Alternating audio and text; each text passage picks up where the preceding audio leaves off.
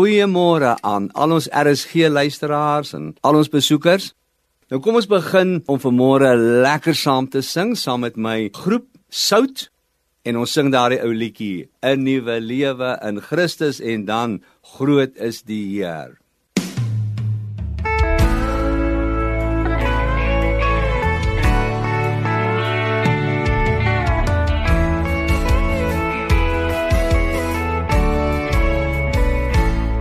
'n nuwe lewe in Christus, 'n nuwe lewe nou vir my. 'n nuwe lewe in Christus, 'n nuwe lewe ryk en vry. 'n lewe van oorwinning, verklaar hy in sy woord. Deur sy liefde gee hy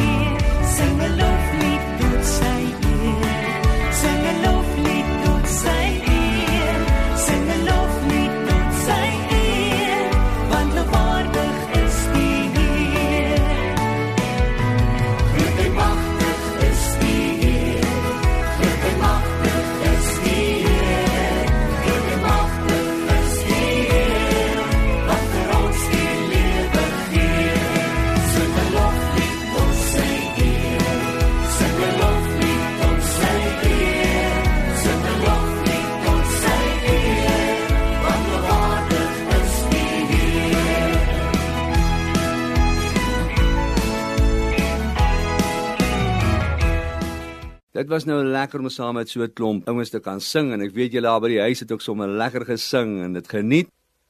Deur die lewe het ek al baie gehoor en ek sekerlik het self dit ook al gedoen. Ek het al baie keer die vraag gehoor: "Hoekom?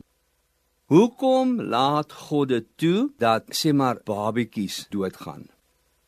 Mense sal by my kom en sê: "Willie, my pappie was die wonderlikste kind van die Here." En toe kry hy die ongeneeslike siekte en ons het so gebid, maar hy's oorlede. My vrou het die Here gedien. Sy was werklik waar so lief vir die Here. Maar sy het siek geword en sy's dood. Hoekom gebeur hierdie dinge? En weet jy toe ek so jong pastoortjie in my eerste gemeente was? Toe het ek baie keer en ek sê dit nie neerhalend nie. Luister nou mooi. Ek het my bes probeer, maar ek het baie keer hierdie mooi antwoordjies uitgedink. Ag man, Jesus het die mooiste blommetjie kom pluk. Antwoorde soos: Ag, ek dink God het jou papi nodig gehad in die hemel en dis waaroor hy nou maar hom kom haal het. En deur die jare was ek nie tevrede met hierdie antwoorde nie, want dit het nie vir my reg gevoel in my hart nie. Maar dit het seker partymal 'n bietjie getroos en ek het dit werklik waar goed bedoel. En mense wat dit vandag nog doen, die bedoeling is korrek en die bedoeling is mooi. Maar Toe later in my lewe het ek begin besef nee, ek het nie 'n antwoord nie. Ek het regtig nie 'n antwoord nie. En toe het ek baie meer daarop gelet. In sulke gevalle in my gemeentes waar ek was, dan ek na so 'n traumatiese gebeurtenis in 'n gesinnetjie, dan ek vir hulle gaan kuier. Ek het gegroet en ek het hulle net so bietjie vasgehou. My hand so bietjie op hulle gesit, aan hulle geraak. En dan het ek vir hulle gesê, hoor hierso, Ek het nie antwoorde nie, maar ek wil bietjie by julle sit. Ek wil net so bietjie empatie. Ek wil net hier by julle wees, in julle oë kyk en in julle teenwoordigheid wees. En as julle wil praat, doen dit en ons kyk waartoe die geselskap gaan. Maar ek gaan nie probeer om antwoorde uit te dink nie. En weet jy nou die dag, toe hoor ek 'n ding waar iemand van 'n verhoog af sê, en ek het dit hier aangeteken. 'n God wat klein genoeg is vir jou begrip is nie groot genoeg vir jou behoeftes nie. Ek gaan dit herhaal, want dit het my aan die hart gegryp. 'n God wat klein genoeg is vir jou begrip is nie groot genoeg vir jou behoeftes nie my geestelike oë het soms so 'n bietjie oper gegaan. En ek het besef ons probeer partymal vir God uitdink. Uitdink. Hoekom hy doen hy dit? Hoekom doen hy dit? Ons weet en ons bely, hy's soewerein, hy's almagtig, hy's alomteenwoordig, hy's alwetend. Al hy wonderlike goed bely ons met ons mond.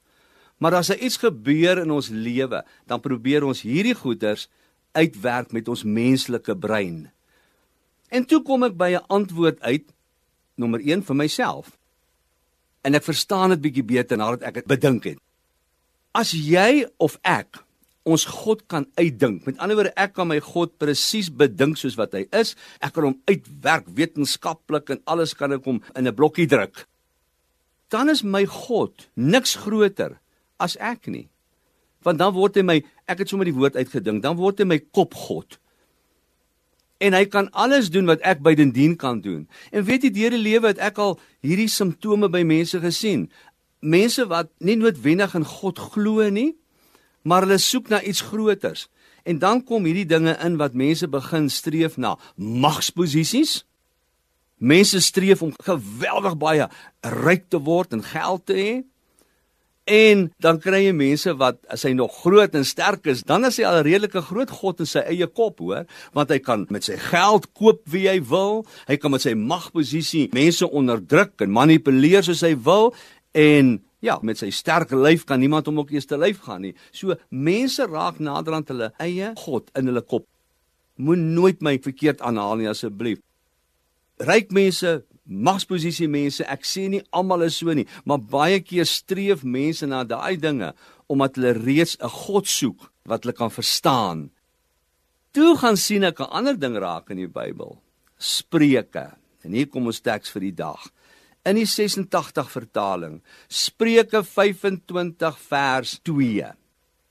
Konings se eer lê in wat hulle aan die lig bring. God se eer lê in wat hy verborge hou. En weer eens, toe gaan my geestelike oë weer so so 'n bietjie meer oop. Konings, groot leiers in die wêreld, as hulle begin 'n magsposisie kry en hulle begin opgang in die lewe maak, dan vertel hulle vir die wêreld wat ek gaan doen. Ek gaan, sê maar, die ekonomie verander. Ek gaan die gesondheidstelsel verander. Ek gaan werkskepping doen. Ek het werkskepping gedoen. Wat hulle gaan doen en wat hulle gedoen het, praat hulle oor en vertel dit vir die wêreld en die Bybel sê konings se eer lê in wat hulle aan die lig bring. Met ander woorde, wat hulle vir die mense vertel en jy sê, "Wow, dis 'n fantastiese president daai. Dis 'n fantastiese." En ek sê nie hulle is nie fantastiese presidente en leiers en politikuste nie, maar na aanleiding wat hulle bekend maak, dink ons hulle is goeie politikuste en dan natuurlik die gevolge van hulle besluite en al daai dinge maar ek wil nie te veel uitbrei oor dit nie. Maar God se eer lê in wat hy verborge hou. Verborge hou. God weet, hy het ons geskape. Ons is die skepsel, hy is die skepper. En God het vir ons die Bybel gegee en die Bybel slim mense praat van teopnestie. Die Heilige Gees het die mense geïnspireer om die Bybel saam te stel. Ek vereenvoudig dit nou baie en dieselfde Heilige Gees openbaar dit weer aan my. Met ander woorde as ek die Bybel oopmaak, dan bid ek en sê ek Here, laat toe dat u Gees vir my dinge openbaar. En dis waar die Bybel elke keer as jy hom oopmaak en jy lees hom onder leiding van die Heilige Gees, dan sien jy nuwe goed in die Bybel raak. Want God het geweet as hy vir ons alles moet vertel, gaan ons dit nie verstaan in die Bybel nie. Ek verstaan nou nog nie die hele Bybel nie. Ek sukkel nou nog om sekere dele verwerk te kry. Wat nog as hy vir ons verduidelik het hoekom hy toelaat sekere dinge in die lewe? En weet julle, toe gaan dink ek baie jare terug, toe ek op kweekskool was en ek dink baie van my studente pelle was so. Ons het net geleer om punte te kry, né? Jy het hierdie goed geleer wat jy deur die lewe gebruik, maar dit was net vir punte. Jy het nie diep denkend oor die goed gesit en dink nie.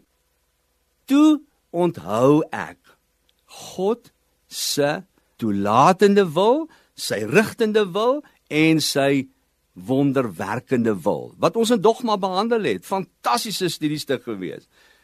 En toe ek oor dit gaan dink, toe kom ek by dit uit wat ek nou vir julle gaan probeer deurgee, soos wat ek dit verstaan.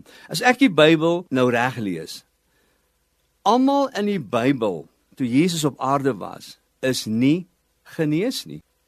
Byvoorbeeld ek gaan toe net sommer so deur die inhoudsopgawe van Matteus. Toe lees ek daar die genesing van 'n melaatse. Die genesing van Petrus se skoonmoeder. Aan die ander woorde nie al die melaatses nie, nie al die skoonmoeders wat siek was nie. Petrus se 'n melaatse. Die offisier se slaaf is genees. Genesing van 'n verlamde, genesing van 'n stomme, genesing van 'n doofstomme, genesing van 'n besetene en dan genesing van twee blindes. So ek dink maar net Daar was baie mense wat siek was. Maar Jesus het nie almal genees nie. Die bad van Bethesda. As ek reg onthou, ek het dit nie gaan oplees nou gou voor die tyd nie, maar ek dink hy was 38 jaar het daai verlamde man gewag. As die water geroer word, dan was hy elke keer net bietjie laat. Partymal so close second, maar hy was nooit eerste gewees nie. 38 jaar word ander mense genees, hy nie. En toe gaan dink ek oor God se toelatende wil. God laat sekere dinge toe en ek kan daai antwoorde nie vir u gee nie. God is soewerein.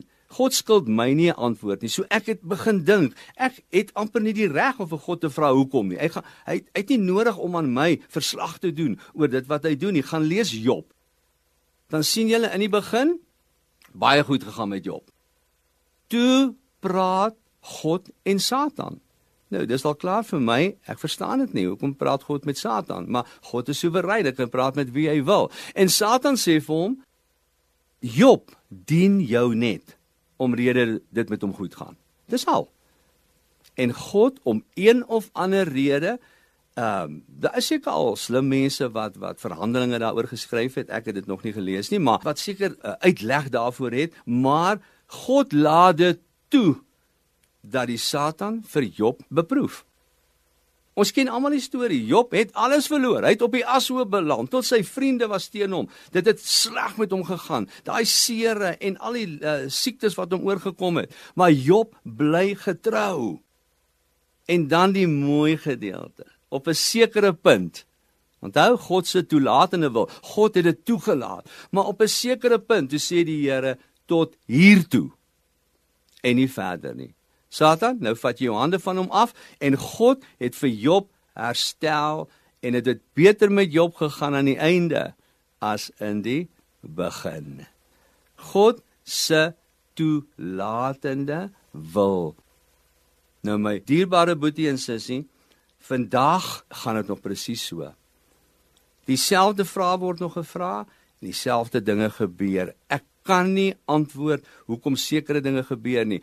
God se toelatende wil. Onthou in my eie lewe, ek het een beleid in my in, in my eie lewe. Ek preek nooit gehoor se kant toe nie.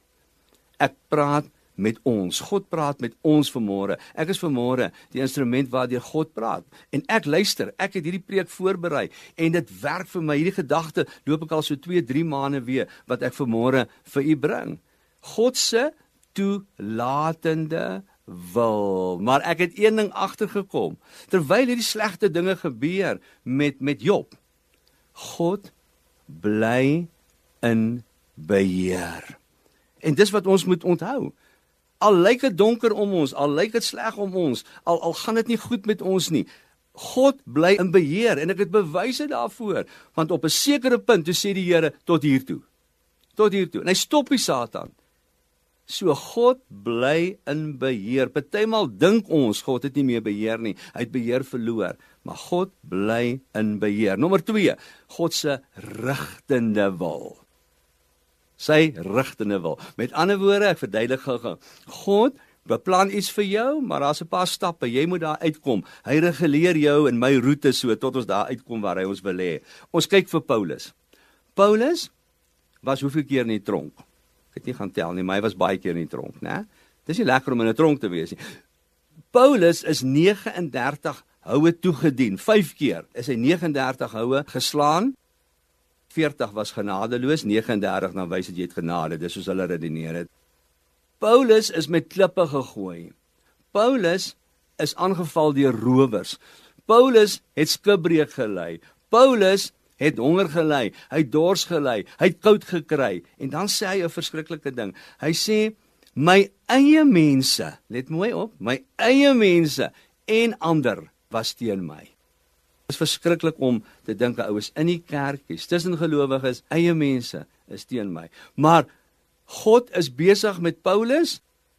God wil hê die evangelie moet by die heidene uitkom en Paulus is op pad. Hy's op pad om die evangelie wyd en suid aan die heidene te verkondig. Rigtende wil God reguleer sy lewe. 'n Ander mooi storie, miskien vir ons jonger luisteraars, ou Josef. Ek het oral gaan dink, maar ek kry nie 'n lekkerder woord as Josef in my oë toe hy nou so jong laaitjie was was hy so regte so regte windie gewees, né? En dan bederf sy pa hom ook nog. Hy koop vir hom al hierdie mooi klere, né? Hierdie hierdie labels. Hy trek mooi klere aan. Sy boeties het nie sulke mooi klere so Josef nie. En ou Josef is ook nie skaam om sy drome aan sy boeties bekend te maak waar hy nou die hero is en hulle almal buig voor hom en hulle hou nie daarvan nie. En dan besluit hulle hierdie ouetjie wat wat so baie van homself dink, hulle gaan hom doodmaak. So ou ou Josef is bo lekker vol van homself en vol van die Here en al die mooi dinge. Die volgende oomblik, boem, daar lê hy in die put. Nou hoor hy doodmaak, doodmaak. En nou en nou en nou Josef is bekommerd, né? Die volgende oomblik hoor hy handelaars se stemme hier buitekant. En prys die Here, hulle gaan hom nie doodmaak nie. Hulle gaan hom daarom net verkoop. En daar sou Josef alweer uit die put uit, né? So hy's alweer mooi aan die gang. Daar die volgende oomblik is hy op die slawemark. So hy's alweer in die moeilikheid. Hy's alweer onder. Die volgende oomblik koop 'n skatryk ou hom, ou Potifar, 'n belangrike ou daar in Egipte. En skielik is ou Josef weer bo. Die volgende oomblik kom die versoeking deur Potifar se vrou. Ou Josef is mans genoeg om te sê nee daarvoor. Daar's hy alweer in die tronk, daar's hy alweer onder. Maar wat is besig om te gebeur, my liewe toehoorder? God is besig om sy lewe te reguleer. Hy's op pad om onderkoning van Egipte te word sodat God Israel kan red na Egipte toe. Gaan lees sy storie. Dis presies 'n voorbeeld van God se rigtende wil. Nou hier wil ek net so 'n bietjie my eie lewe inbring. Ek is blind, totaal geheel en al, 100% blind. Ek was net so 12 jaar oud, van 'n muur af geval, gedeeltelik my sig verloor skool vir blindes toe, matriek gemaak, al daai mooi dinge, maar hy by 30 rond. Toe ek ingegaan vir 'n operasie, ek kon nog so 3% sien. Ek kon nog die dokter sien hoe hy lyk en alles, maar 'n operasie en ek het al my sig verloor tot vandag toe. En in my lewe het ek ook gevra hoekom? Hoekom ek? Ek het soveel drome, ek, ek het soveel ambisies. Ek wou 'n mediese dokter word. Dit was my grootste droom. Later wou ek sekulêr begin sing. Ek het dit geniet. Musiek is verskriklik wonderlik vir my tot vandag toe. Dinge het nie uitgewerk nie. Die volgende oomblik red die Here my siel 1981 en ek sien God se rigtende wil in my lewe. Die mees effektiefste wat God my kan gebruik Daarom het hy my nog nooit my sig teruggegee nie. Ek dank die Here. Ek en my vrou Christel ons bedien geweldig baie.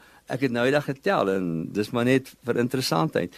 Uh Sondag aand was my 3752ste optrede wat ek met mense kan praat. Waar sou ek dit in my lewe reg gekry het as ek nie 'n gospelsanger geword het en al daai dinge wat God in my lewe toegelaat het nie. Ek het nie daarna gaan soek nie. As ek my wil moes gehad het, moes ek 'n dokter gewees het of iets in daai rigting gewees het. Maar God sê, ek het jou nodig vir iets anders in die lewe en hy reguleer my lewe tot waar ek vandag op RSG preek en ek bedien nog steeds en ek dank God daarvoor. So my boetie, my sussie, toelatende wil, rigtende wil en dan dank die Here vir die derde een. God het 'n wonderwerkende wil. Wonderwerkende wil. By die kind van God is daar altyd hoop. Ons raak nooit dat ons nie meer hoop het nie. Ons raak nooit so moedeloos dat ons dat ons opgee want daar's daar's geen kans vir ons vir uitredding nie. Ons God is 'n ingrypende God. Onthou daai woord, hoor?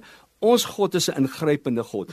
Wanneer die dokter sê hy kan nie meer jou help nie, wanneer die bankbestuurder sê hy kan nie meer jou help nie, wanneer die politieke leier wat jy ondersteun nie meer doen wat jy hom gevra het nie, as dinge begin jy mekaar loop. Wie jy, ek wil dit vanmôre tog sê, selfs wanneer jy jouself begin teleurstel, bly God in beheer. En enige oomblik, soos wat jy daar voor die radio sit, soos wat ek hier staan en preek vanmôre, kan God my aanraak met sy wonderwerkende wil. En hy kan my genees Hy kan jou genees. Hy kan jou uit daai finansiële krisis uitlig vanmôre. Hy kan vanmôre daai verhouding wat nie werk nie, kan God vanmôre vir jou bonatuurlike wysheid gee dat dinge gebeur in daai verhouding dat dit gaan werk. God kan vir jou vanmôre help dat daai kind wat jy so oor bekommerd is, daai ouers wat jy so oor bekommerd is, daai familielid, daai vriend wat jou so bekommerd maak, God kan vanmôre ingryp met sy wonderwerkende wil en hy kan jou uitred uit daai situasie uit. Ek het net een ding agtergekom, my dierbare luisteraar. 'n Mens is geneig om te dink jou wonderwerk moet my wonderwerk wees. En ek het agtergekom, my wonderwerk is nie noodwendig jou wonderwerk nie. Ons gaan weer terug na Matteus toe.